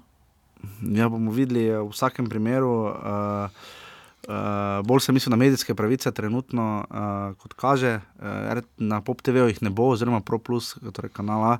Uh, tako da v igri, kolikor vem, sta najbolj resna kandidata RTV Slovenija, sama ali ne, pa ne vemo. Vemo, da je že bil enkrat paket s Planet TV, uh, o tem bomo več govorili, seveda, ko bo več uradno znano, kdaj točno bo, ne vemo, ampak predvidevam, da enkrat v maju, to je zgolj moje predvidevanje. Uh, da bomo potem tudi vedeli, ampak uh, kanalu A, tu, čeprav smo se kar dosti pogovarjali, uh, terminov je res bilo letos dosti. ne. termini so skoraj stalni, je pa bode oči, da ob takšnih lepih dnevih dajo tekme. Sredi dneva. ne. Sredi Škoda. dneva no. Recimo, in ko smo že pri tem, eh, gremo na tekmo Pač Celje nedeljo Olimpija. razumem, da je, ker je zvezde plešejo. ne. Ja, ampak celje Olimpija, Ampak- ravno včeraj eh, pri tistem soncu in 27 stopinjah. Uh, Pa takšne tekme dobijo povsem drugačno koliso, če se igrajo ob 4 ali pa ob 8. No, Ja. Kolisa je drugačna, že Lahko ti povem, kakšna je kolisa, ko sediš na soncu, zelo dolgo. Pač vredno. to je ne. tako, da bi dali vem, finale Champions League ob 16:50, da lahko gledajo, potem zvezde Ja. ja. plešejo. Nekdo. Ja, in tu uh, vsekakor uh, res je bilo lepo vreme, lep dan, na koncu 2300 gledalcev, uradno, uh, mogoče še kaj več. Ljubljančani najprej je kazalo, da, da ne bo tako polno, kot se je govorilo, ampak na koncu so tudi Ljubljančani svoja dva sektorja in Green Dragons in Olimpija Supporters res pridno uh, z, uh, popolnili, to je res lepo videti. Uh, začeli so dobro navijati, potem pa so videli, da ne bo takšna tekma, kot si, si jo zadali. Celje je odigralo tekmo, um, kakršne že dolgo ni, oziroma če jih je, jih je praviloma potem na koncu izgubilo. ne. Prvi polčas so imeli dober, drugi. Prvi pa včasih, ampak niso padli na koncu, so se pobrali. Ne, Če bi še tekma trajala 15 minut, bi bi, dobili. bi gol. dobili gol, ja, to pa absolutno. Uh, kaj reči, uh, takoj na začetku se je v rubriko Zicer pridružil uh, Žusi Lopeta. Uh, na to, kako gre Radomljam v drugi ligi, nas je pa seveda spomnil Aljaš Ivačič Ivke, uh, ki je tam nerazumno žogo spustil. Skoraj jaz imam občutek, je, če se ne bi Lopeta dotaknil, bi šla žoga sama v gol. Meni se je Pri- zdelo, da si jo je sam potočil nazaj skozi noge. Ne. Pri Ivačiču. Tokrat je imel najslabšo tekmo letos. No. Pri Olimpiji je to, da se je zdaj prvič znašla v takšni poziciji v tem delu prvenstva, kjer se je res igralo za nekaj. No. Predtem ni bilo dobenega dodatnega pritiska, če izgubijo ali kaj. Tokrat pa se je to poznalo. Tokrat pa se je to poznalo, če se spomnimo takrat. eh, Pri Pred dvema letoma v Olimpijnem naslovu, kakšne težave je imel Vidmar na golu, pa je veliko več dal skozi v prvi Mhm. ligi. Če spomnimo tistega prvega derbija, ko je vrgel že žogo, pa je Ja, ja. primev in Pa- podobno, pa no, kakšne kik se je pa, delalo ja, ja. takrat. eh, Pa je več kot kvaliteten bil za slovensko ligo, Mhm. s- se je videlo, da s tem pritiskom še on kot vratar ni prišel v Ampak kontakt. cela In ekipa pa je Ivač- ne. Ja, in zdaj pa se Ivačič to pozna. Ivačič pa je še po vrhu neizkušen, lani je branil za Radomlje, ki, kjer je po devetem krogu že vedel, da bo izpadel z prve lige. Ja. Tu pa malo drugače zdaj, ne, Tu pa je zdaj drugače, ne. pritisk je, vsaka njegova nenazadnje- napaka bo pod, dob- pod drobno gledom. In, uh, Vodiška ima na klopi, ne? zdaj da nima konkurence, ravno ne moremo reči, ne zdaj pustimo, kakšna je zgodba je menedžerska. vseeno tudi počutil pritisk, no on tu iš ni bil v takšnem položaju ja. za naslov, oba dva. Tokrat je prvič, no, definitivno najslabša tekma Ljaža Ivačiča, ni bil na koncu on odgovoren za nič, neposredno. Je pa res, da je tekma šla po tem smeru, katero je celje je začutilo svojo priložnost, krenila je na polno. Potem je Ivačič šel še enkrat v prazno, eh, pri predložku. Ne, šel je vsaj na celo- 3-4 celo krat. Eh, Sicer tam je pol imel tudi kakšno obrambo, dve v drugem polčasu proti koncu tekme, se je kar zb- zbral, ampak, eh, Ja, ampak potem je ponudil, ni- ponudil še eno res sjajno priložnost Pungaršku, ki je imel prav tako čist prazen gol. Ja, samo to ni Ivačič izpred Treč- cele prvenstva. Ja, se pravi, najslabša tekma Se mu poznalo pač pritisk in samo hujše še bo, Je pa res, da se je poznal, poznal pa se pritisk tudi celjanom, ne, Žusi Lopeta, kolikor smo se pogovarjali potem eh, med sabo, pa tudi kot smo zvedeli, uh, je res je obremenjen za zadetki. On res, um, so nam ljudje blizu kluba povedali, da, da je res obremenjen uh, s tem, kako zabiti, da vsi pričakujejo in tam je res slabo pomeril. Podobno se je zgodilo potem v Pungaršku. Imeli so dva čista, mislim, darila za gol in jih niso izkoristili. Ja, potem pa je Požek Vansaš, ki je igral spet vrhunsko tekmo, uh, vendarle zabil uh, zelo lep gol. Uh, Ja, Lupeta se zaveda, da se mu samo zadetki prodal. No. Ja, to je to, ne, on je pa res taki tip igralca. kot On, če bi imel 30 golov, bi igral pite In to se je že med tednom videlo no, proti uh, Domžalam, kjer ja. je, prot- kjer je 40 metrov vdaril do Merkatora, brez pomena. Ja, in to je ravno totalno tisto- in To je to pri Lopeti. Tej borbenosti, on bolj misli na individualno statistiko kot na ekipno statistiko. Ja, to je res. Čeprav se borim vse, ampak zanimivo je to, ravno ko si omenil sredino tekmo, oziroma tekmo med tednom med Domžalami in celjem, ker celjani niso bili tako slabi. ne. Kostič je tam res na koncu uh, podaril še vse tekme, ker igramo dobro, na koncu izgubimo. Ne. Po vrhu pa, Pa ti za tekmo sem po... Jaz sem gledal highlights, no, ja. Jaz sem si celo tekmo pogledal, no, pa doben me ni nekaj prepričal, da bi Pri rekel. Celju. Ali obeh ekip. O, pri obeh ekipah. Ja, tam je bolj na remi je kazalo kot na zmago, domžal, na koncu so domžale zmagali, do tega še pridemo. Ampak eh, celje se je potem poznalo, spet sodniki, ne? Dušan Kosič se je razjezil, ker je brcnil stožec, ampak razjezil se je na svojega igralca in Roberto Ponis ga na koncu izključil. In ne. je nerazumljivo dobil tekmo prepovedi. No, če ja. Se spomnimo izpred dveh let v Anoli, ko je bil izključen Ja. ja. pred derbijem, Se je pozbrisala. 500 evrov ja. in je lahko vodil ekipo na derbijo. No, Ja. Tukaj Ker lahko različno- Spet uh, nočem iskati dobenih uh, teorij in karkoli, ampak. Smešno je, da se to pojavlja samo pred eno ekipo. Ja, da pa izpade, kot da je vse v korist Olimpije. Jaz ne bom rekel, da so Tisto razumem, tista napaka je bila pri tistem zapisniku, da je pa opisal, da je dobil karton eh, in so ga Dobro. potem zbrisalo. Tisto, hvala Bogu, da se je zbrisalo, to Ja, se ja, mora ja, zbrisati. Davidson karton, ja. ja, in to se mora urediti, eh, ampak. Takšni, da ne No, vem, potem se- Kosič bi, po moje, rade volje plačal tistih 500 evrov, oziroma koliko bi mu dali, pa tudi v klubu bi mu plačali, da bi lahko vodil to tekmo. No, na vse Ja. zadnje, Ja, za takšne tekme delajo vsi v klubu. Ampak tudi Zoran Zelkovič se je no. dobro odrezal, uh, morda so malo zmenjavami, morda celjani preveč oklevali. Ne? Zanimivo, da se jim je šlo tako na tesno, pa so upravili dve menjavi. Prvo v 66, drugo v 76 in zadnjo tik pred koncem, uh, ampak pač klopi imajo takšno, kot imajo. Uh, zelo dobro se je odrezal Mate- Ma- Metod Jurhar, imel je težave, se zdi, vedno več, bolj kot Olimpija pritiskala, bolje je bilo vprašanje samo, kdaj bo padel gol. Je pa res, da je potem na sceno stopil tudi Matej Juk. Ne. V drugem polčasu, zlasti, ko je bilo jasno, da bo Olimpija pritisnjena, da celjani ne bodo tako krenili kot so v prvem delu, so se pa potem uh, začele stvari, ki pač ne sodijo. Jaz mislim, da v slovensko ligo. Jaz ne vem, ali ima Uremovič alibi na to, da se mu sodi faul ali pena ali Uremovič je karkoli. vseeno veliko ime v slovenskem nogometu. Ja, se da je zadetek, da je tudi res lep gol eh, po kotu z glavo, tu ni kaj. Uh, ampak vseeno tam v enem napadu enega odrine z roko, enega pohodi, drugega odrine, tretjega odrine, dva ležita od celjanov in on gre dalje, nič ni. Potem se potem Apao drži celjana z dvema rokama in ga os- osune stran, kot da bi se šli vlečene vrvi, pa spet nič. Uh, tudi zelo mejena situacija pri penalu, ne, ko, celjani, ko so celjani zahtevali penal in je spet bil Removič in je na koncu Removič na tleh ležal, da ga boli noga. Ne. Um, so- Uremovič je celo tekmo pri kakšnem prekršku, ga on storil, se takoj vrgal, pa se držal za Ja, marsikaj. in pač jaz mislim, da tu ima Tej Juk uh, res uh, način sojenja, uh, je res bil, čeprav je na, uh, mislim, statistika je bila 19 prekrškov ja, za celje, pa 13 za Olimpijo. Uh, vendarle se zdi, ne da je želel soditi. Jaz res nisem, pač, ne bom rekel, da je sodel za favle- Olimpijo. Pač, ne, male faule. Je vseeno so šli vsi na roko na Olimpiji, no. Olimpiji. Ampak glede na je- to, da je ne napisano pravilo med sodniki, da male faule se ponovadi piska za domačine. No, pač ja. Te male faule nasploh.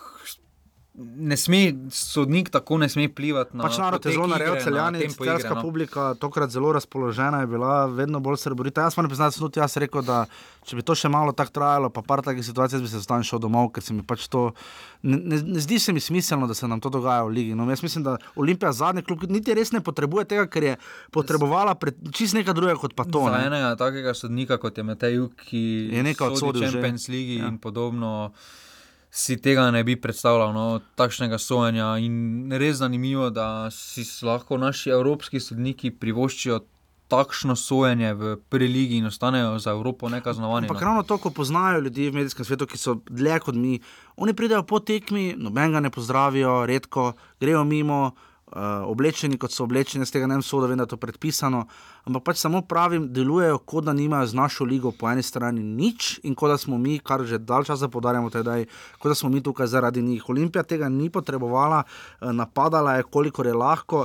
Uh, kar lahko rečemo pri Olimpiji, je pa to, da tokrat morda je uh, Biščanu taktika se mu sama ni posrečila najbolj. Biščan, uh, Benko kaj ta zdaj menjava, dela recimo. Je, zadnje čase je čudno, no, res. Benko sem ni obnesel, Savič je prišel absolutno prepozno v igro. Ne, uh, in tu, tu je potem Olimpiji začelo zmanjkovati časa, uh, ni znal reagirati po golu, ena proti ena. Takrat bi bilo boljše, če bi malo počakal, ne pa da je šel takoj menjati Benka. Benko je bil že prepričan, ampak malo bi morda počakal, kot je naredil Maribor, recimo Kidričevem. Malo premislil, poglejmo, kaj se bo zgodilo, ampak ni dal je Benka, potem prepozno Saviča in na koncu Olimpiji preprosto zmanjkalo časa. Biš- Daleč najboljši bil prvo korona veter. Ne? Olimpija misli, oziroma Biščan meni, po moje, da če da več uh, desetk v igro, bo Ja. igra toliko boljša, ampak dejstvo je, da Kronaveter in Alves se izključujeta. No. En pride do izraža, potem drugi ne. Ja, Alves je bil aboniran na strele, ne? Ja, in tukaj, če se spomnimo, kako je Riki Ja. uh, igral uh, Je se- prejšnje ja. ja. tekme, to ni bil ta Riki iz teh tekem, ker je pač imel krona vetra, ki mu je te. Ponavadi so se akcije šle preko edine desetke pri olimpijski igri, ali je bil to Kronoveter ali Alves, eh, sedaj pa, ko sta oba, pa si jemljeta prostor, žogo in to ne izpade potem na koncu dobro, no? ker Kronoveter že zaradi statusa v ekipi, že zaradi plače se vsi zavedajo v klubu, da prej ali slej bo mogel začeti igrati, no? ker da imaš ti med bolje plačanimi igralci v ligi, igralca cel cel na klopi in sploh ne stopi v igrišče. Ja, Je tudi se- najverjetneje neki pritisk na Biščana no? in zato je tudi po sili razmer sedaj začel igrati. No? Ja, zdaj vidi se, da v tej situaciji še kot trener, seveda ni bil, bil je v bo- bil bitki za obstanek pri Rudešu na Hrvaškem v lanski sezoni, ampak eh, Ne bil je za prvaka v drugi ligi. Mislim, v drugi ligi, pardon, za prvaka, v drugi ligi ne za obstanek, ja, oni so šli potem uh, naprej. Uh, tu je zanimivo to, da morda tu Tomiča nađe, da bi tu eno teh recimo ostal na klopi. Aba sploh ni prišel do izraza na tej tekmi. Ne? Avas zdaj v spomladanskem delu ne pride na domeni tekme več do izraza, se Ja. je malo izgubil. Mhm. Mm -hmm. uh, ni to več smešno se je slišalo, ampak Olimpija najbolj pogreša v tem trenutku duvo. No? Ja, da, zanimivo, daleč najbolj njega. Zdaj je Igor Biščan je rekel, da, je, da kot, kot smo rekli uvodoma, da je žogica na strani Maribora, rekel je, da bodo morali biti predvsem čvrsti v glavah. Pa to je, ta izjava je več ali manj samo uh, jemanje pritiska z njih, no, ker na koncu Olimpija ima še vedno vse v svojih nogah. absolutno. In, in Če zmaga vse tekme do konca, in, oziroma remizira na derbijo, so še vedno oni v pol poziciju. Trenutno so odvisni sami od sebe in uh, res bo zanimivo, kako se bo Olimpija, predvsem tisto, kar smo se na začetku povedali, en Ivačič, uh, pa tudi drugi, ne vem. Uh, Abbas, Čanadžija, Apao, Removič spopadli s pritiskom na naslednjem krogu, recimo, če Maribor zmaga, se izenači z njimi. Ja, In bo že zdaj so čutili pritisk, ko je prišel na dve točki. Ja, za en dan se izenači, ampak potem bo še večji pritisk doma. Ja, Maribor igrali- ustreza bolj, da igrajo prej. Ne. In Eh. uh, tukaj bo, bo treba prevzeti inicijativo, predvsem Iličen uh, bo moral prevzeti besedo v garderobi in malo povedati. No, Ja, Ilič je potem zamenjal za Rifoviča, ki je z njim, upamo, da je vse v redu. Bolnico je šel takoj v tekmo, šel? takoj med tekmo že. Ja, ker je rekel Biščan, da, ampak da ima trdo glavo in da bo z njim vse v redu. Uh, celjanom pa res, uh, tokrat so zdržali, uh, na koncu padali so tam v 71 do 80 minut, jih res ni bilo, ne? ampak so se na koncu sestavili in uh, borba za četrto mesto sicer. Je zdaj wide open, je kar odprta. Ne? Jaz osebno vidim bolj celje kot četrto moštvo, če seveda to ne bo aluminij uh, za zmago v pokalu, ampak jaz bolj vidim celjane kot rudar, vsaj iz prizme te pomladi. No. Uh, Ja, samo dejstvo je, da in rudar in celje v Evropi. Težko je. Bilo kaj bo ta težko. No. Tukaj eno celje, ima sicer igro, ima super, ampak v Evropi pa jim še toliko manjka do tega evropskega nivoja, da ker igrajo. Dele tekem odigrajo na vrhunskem nivoju, ampak potem pa pridejo črne luknje, ki se, ko se pri njih enkrat zgodi, se kar nadaljuje, pa nadaljuje in iz te črne luknje oni ne pridejo. V Evropi jih neka ekipa to hitro kaznuje. No. Torej, cel je Olimpija, ena proti ena.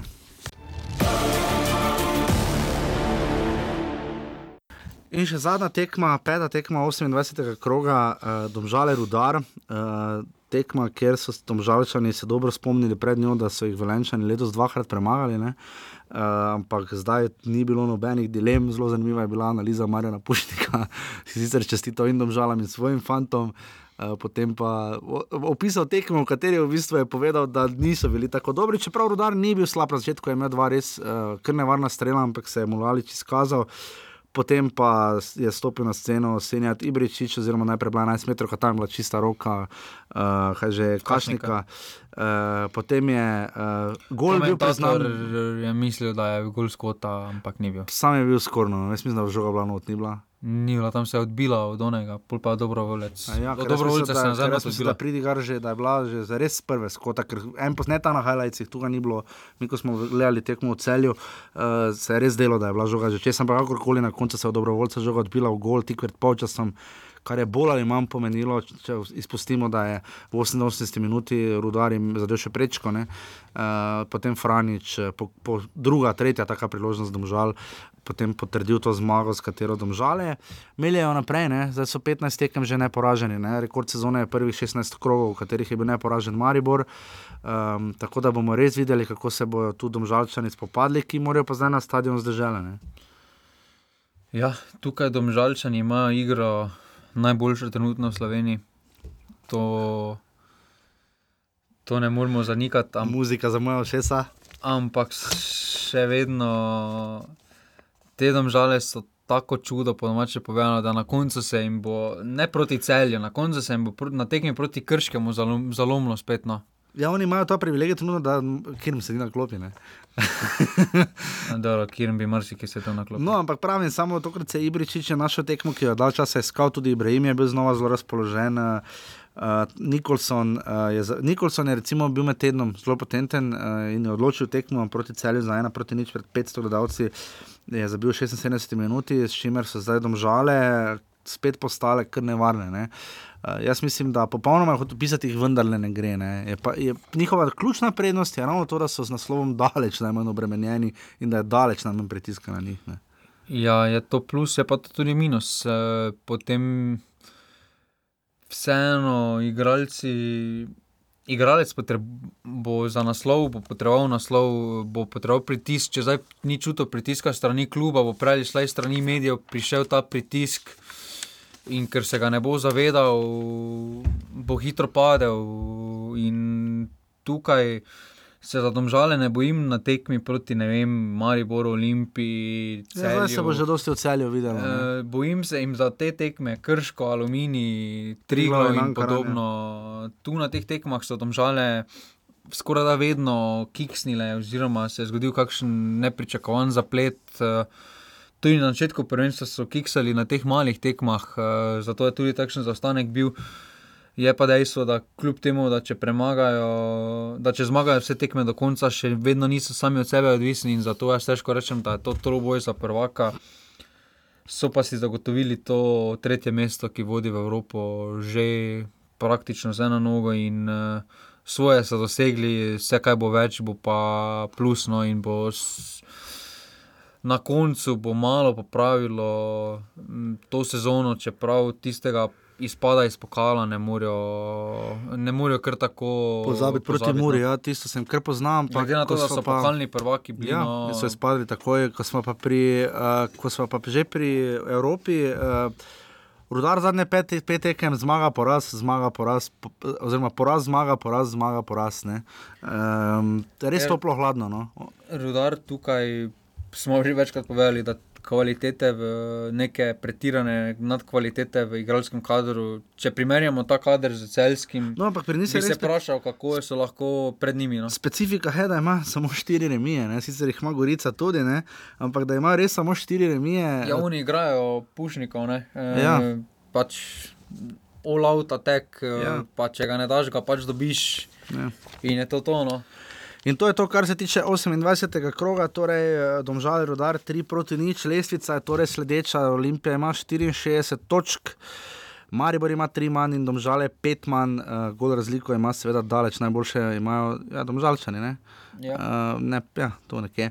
Potem ima Domžalčani imajo, potem pa ja. Olimpija, potem pa Maribor, čeprav Maribor se je že za dva gola približal Eh, Olimpiji. no. Olimpija. Ja. Eh, Potem pa je eh, Rudar ima 43 točk, eh, cel je 3 manj, torej tu še vse odprto.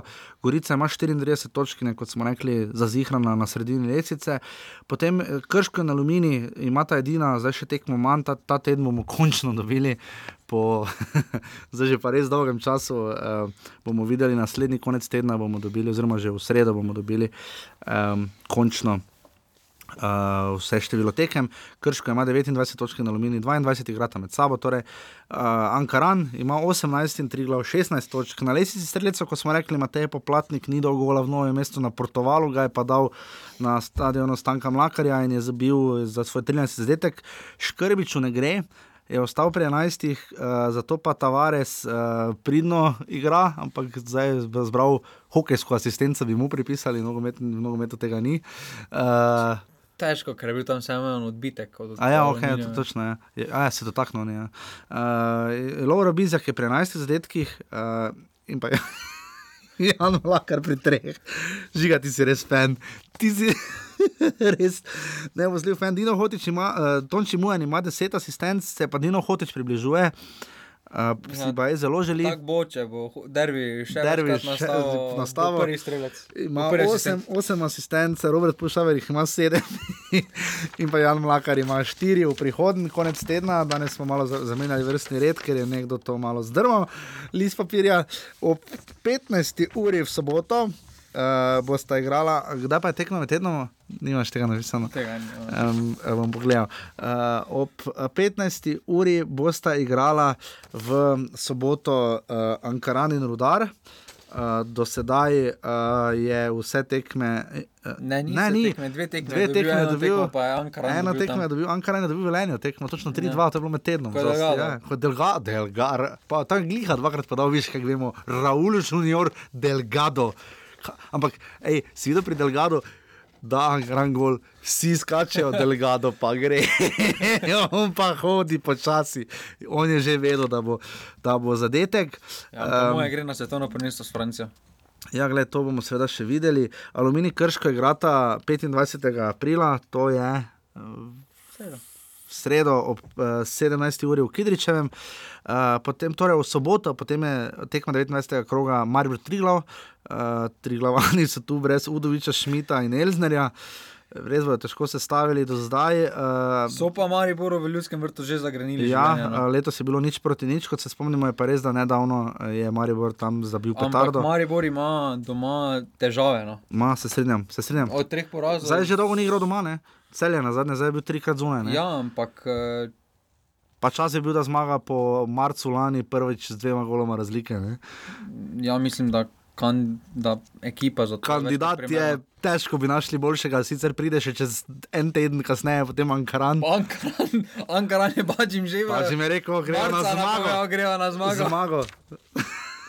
da bi Ankaran zmagal v ljudskem vrtu, pa bi to odločila. Prvenstvo pol je vlado bačim trener sezone. Pa Delgado Pa Delgado igralec zagotovo, zagotovo zadnji vezni. Z naskokom. Ja, ni. Pikler, nima cele sezone, Drvičevič, nima cele sezone, eh, Tomič, Čanadžija, eh, Delgado.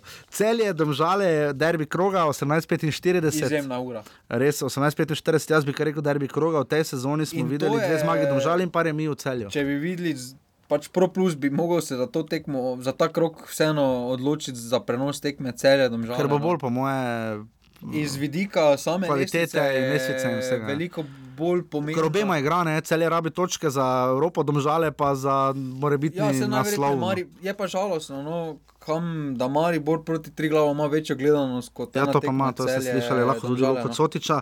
In potem še dve nedeljski tekmi, klasični 16-50 termin Olimpija Gorica. V tej sezoni je Olimpija dobila čisto vse tri tekme, uh, ampak Miran Srebrenic je povedal, kot ste lahko slišali v intru, da želijo iti videti, kaj bo, kar je eh, lepo, lepo rečeno, ampak uh, Olimpija lahko tu tekme samo sami sebi. No.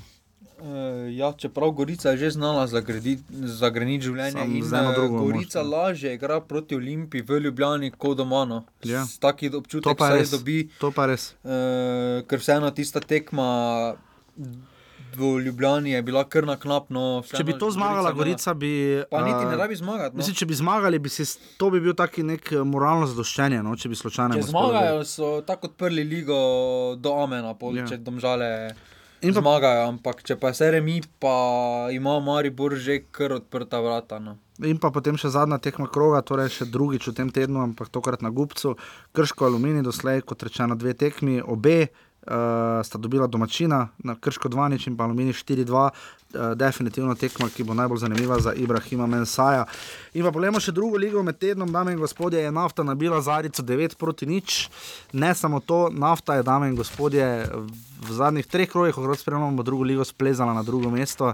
Ko sem se pogovarjal s Francom Fridlom, je rekel, da najboljše niso pripravljeni, ampak če se bodo na igrišču eh, izborili uh, napredovanje ali pa oziroma dodatne kvalifikacije, se jih bo seveda lotili, če seveda dodatne kvalifikacije v tej NZS, ko znaš ta.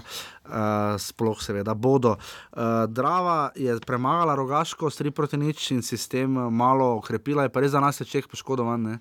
Mislim, da, mislim, da končal, ne. Drava nima nekih resnih ambicij, zdaj, tej sezoni vsaj za prvo ligo. No. To je absolutno res, je pa res da vprašanje, če veš, potem se to obrne. Bomo videli, kako bo drugo leto. Ne? Ampak v vsakem primeru Drava ima 50 točk, uh, nafta jih ima 51 in pa Mura, seveda ne dosegli 62. Nafta je namreč eh, ta teden Roginič zabil še tri gole, uh, tako da zdaj 4 proti nič, ne vem točno, kaj resi za srce druge lige. Uh, Bobičanec je prvi. Bobičanec je prvi, samo za sekundo, da Jaša to najde. Uh, res je nafta ta teden streljala, dali so 13 zadetkov, Bobičanec ima 14 zadetkov, Roginič pa prav tako, uh, s tem, da je zadev. Noben od njih ni zadev niti 11 metrov, in pa Rok Sir, ki ima 13 zadetkov, Anel Hajrič pa 12, potem pa je še Maroša, uh, jih ima 11, tako kot tudi Neskič iz Rogaške. Krka Bravo tekma, na kateri smo videli Eurogol, Eurogolov, potokar je sprašil mrežo, lahko si pogledate highlights na NZS, na YouTubu, uh, potokar je zabil res fenomenalen zadetek, uh, v šesti minuti je potem zabil še drugega in potem pa Žiga Kastrevec, povratnik pri Krki, uh, oče, kot se dobro spomnimo, bil trener Krke in tu je Krka s 3-nič se dobro spomnila, se bo samo spominjala, kaj je delala v začetku sezone. Um, žiga, potem kalce Radomlje, Veržej, 3 uh, proti 2, uh, Radomlje še niso čisto upale, ne? zaostajajo 7 točk za dodatnimi kvalifikacijami. Okay. Zarica Brda, Zarica ni imela najboljšega tedna, eh, pokasirali so 13 zadetkov, eh, 1 proti 4. Um, s tem so zdaj brda, ja, tam na sredini. Rešeno so. Rešeni so. Tabor Sežana, Roltek, dob, uh, Sežana je tako ali tako. Konec z njo. Doba pa tudi, dob pa tudi. Uh, Mura, Jadran, dekani, tri proti nič, da bi kroga, bi, bi to bil zagotovo jeseni, zdaj pa je to bila samo formalnost. Uh, Mura ima že zanimivo 72 zadetkov, uh, danih in le 15 prejetih, in pa potem še Fužina, ravne brežice, terme Čatež, 2 proti 4, pri čemer so, ne pozabimo, vodili uh, korošci, ampak. Uh, Po vsej vrednosti bojo izpadli. No. Uh, 19 točk Ja, imajo. Brže je ampak- tako in tako že izpalo, no, več ali manj. Ja, Zarica, pa rogaška še tu visita, pa po- potencialno še brežice, ampak Pa so se s to Brežice zmago, samo, s to zmago izgubili, so no. se rešili. In dame in gospodje, to je bolj ali manj to, kar se tiče. Uh, glavnega dela uh, 130. offsajda, kako šibajo ti offsajdi, datume vam bomo sporočila v tej oddaji. Um, boste lahko prebrali, kako, predvidom, kako predvideni so offsajdi za naslednji teden, se bo še žigo lovila.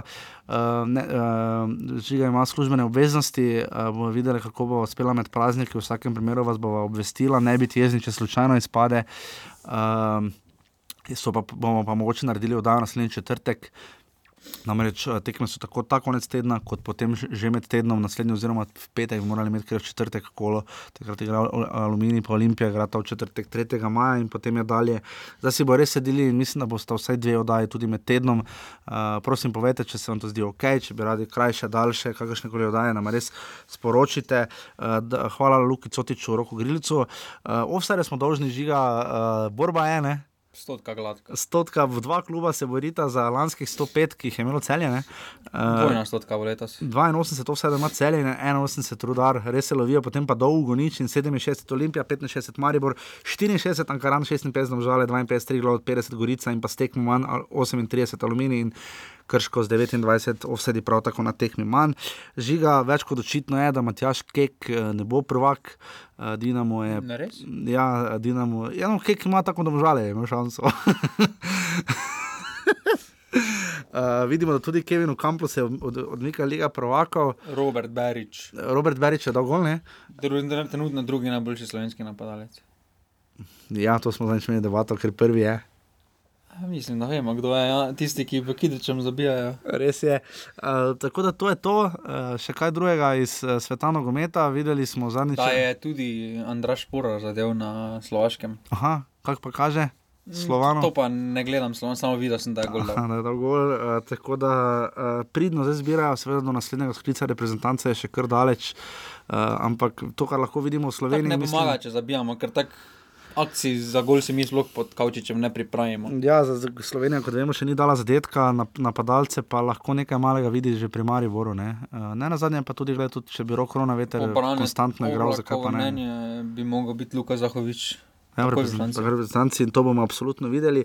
Točno vam javimo potem, kdaj bo na sporedu 131. offside. Um, hvala GT22, hvala Luki Cotiču, hvala tej žiga.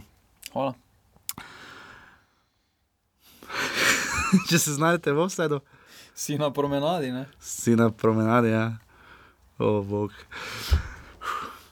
Hudo je, hudo je, stari, ko ne nimaš igralcev, res je hudo. No. Hudo, meni je hudo. No. Mogoče se Brkič aktivira. Mo- Mogoče. Tako da. imam koga druga misli, ki se lahko aktivira. Aha, okay. Dobro. Uh, v vsakem primeru se torej slišimo, naslednjič javimo točno kdaj, če ne naslednji ponedeljek, pa v vsakem primeru slejko prej spet znova hitro. Tako da uh, uh, se slišimo torej naslednjič. Hvala, adijo. Hvala, Adijo.